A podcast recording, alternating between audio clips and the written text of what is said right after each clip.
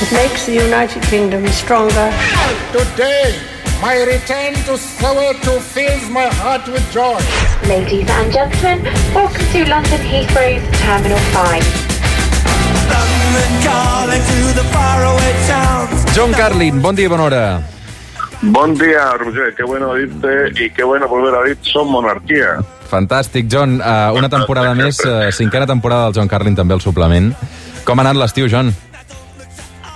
Eh, bueno, yo vacanzas eh, casi nada. He estado eh, trabajando todo el mes de agosto eh, escribiendo un libro que me propuse eh, por primera vez en, no sé, que recuerdo, no me tomé ni un día de, de vacanzas en agosto y... mm, pero bueno, pero cumplí mi propósito, así que estoy, estoy feliz. O sigui, tens, valió la pena. tens el llibre acabat i a punt de publicar ja, eh?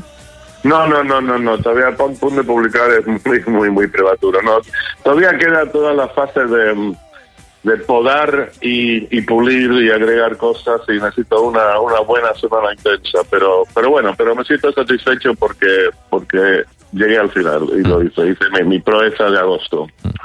Aquesta temporada amb el John Carlin eh, parlarem de semàfors, de semàfors verds i de semàfors de vermells. Aleshores, eh, avui comencem, John, amb el semàfor vermell que el dediques a l'intent d'assassinat de l'actual vicepresidenta de l'Argentina, Cristina Fernández de Kirchner, eh, que mm, aquest dijous li van intentar disparar davant de casa seva amb una arma que va fallar, tot i que tenia les cinc bales al carregador. Eh, John, Sino qué cosa más tremenda. O sea, aquí, o sea, no va a faltar gente que, que nos dirá que esto fue un- una cuestión de intervención divina, lo cual sumará al mito, eh, Cristina, que es un poco la, la heredera de Evita, eh, Maradona, es un país muy mitómano, Argentina. Pero bueno, lo más importante es que esta especie de milagro que le, que le salvó la vida y me alegro muchísimo, claro, por ella, por su familia y aparte este loco hubiera eh, logrado su, su objetivo de matarla, eh, las consecuencias políticas para Argentina podrían haber sido gravísimas. Así que eh, hay que dar gracias, pero que mm, qué cosa más absolutamente insólita, porque efectivamente la pistola de este tipo, la policía ha constatado, estaba leyendo en la prensa argentina esta mañana, que todas las balas estaban ahí adentro, no fue con una pistola sin balas, ¿no? Y el tipo apretó el gatillo i, i no passó res. Uh -huh. És un cas, John, que, que recorda molt a d'altres intents d'assassinats eh, sonats o, o de- o d'aconseguits, de, no?, directament. Sí, bueno, no sé, nos recuerda... Bueno, eh, estaba pensando en el caso que, que a, a veces olvidamos de, de Ronald Reagan, ¿te acuerdas? Que intentaron eh, matarlo, le metieron, sí, le metieron un balazo a Ronald Reagan cuando era presidente de Estados Unidos, hace que 25 años, algo así.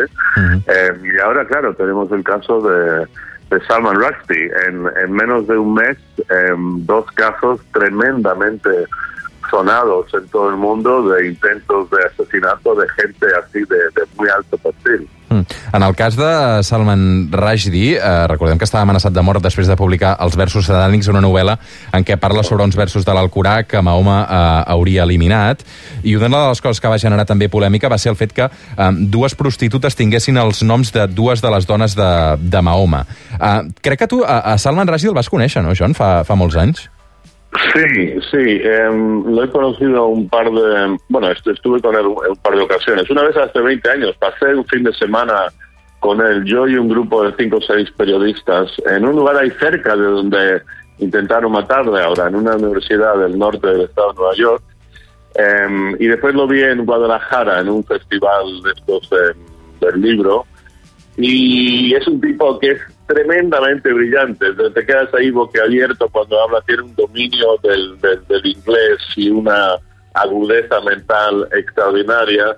Eh, pero al mismo tiempo es un tipo muy muy ameno, no es nada, es un súper intelectual, o sea, a mí me, me intimida, te lo confieso, pero al mismo tiempo es muy em, cachondo, divertido, ameno. Y una cosa que, que- bueno, aunque era un ambiente muy intelectual en esta universidad y también el Festival del Libro, Rusty y yo hablamos por lo menos la mitad del tiempo sobre el fútbol. Es un fanático del fútbol y en particular del, del, del Tottenham. Tiene una cita en la que dijo una vez, mira, está muy bien esto de que me publiquen libros y ganar premios y que libros míos se conviertan en películas de Hollywood, pero que el Tottenham gane 3 a 1 al Manchester United, eso sí que no tiene precio. Mm -hmm.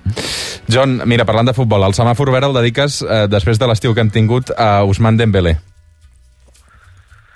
Sí, a mí, a mí me fascina este tipo. Aparte, es una cosa que creo que estarás de acuerdo, Roger, que, bueno, es, es algo que, que hacemos todos los, los aficionados, que desarrollamos una especie de relación personal con estos jugadores famosos que los desconocemos absolutamente, no sabemos nada de ellos, eh, cómo son como personas, pero eh, a lo largo de los cinco años creo que ya lleva Sí. Dembélé en el Barça, eh, la afición del, de- del Barça ha tenido una, una relación como que de- muy tempestuosa, que primero eh, un poco de ilusión, después escepticismo, después un cierto asco, porque parece parecía que el tipo no estaba interesado y que, no sé, que se pasaba el tiempo comiendo pizzas con sus amigos y no sé qué cosas.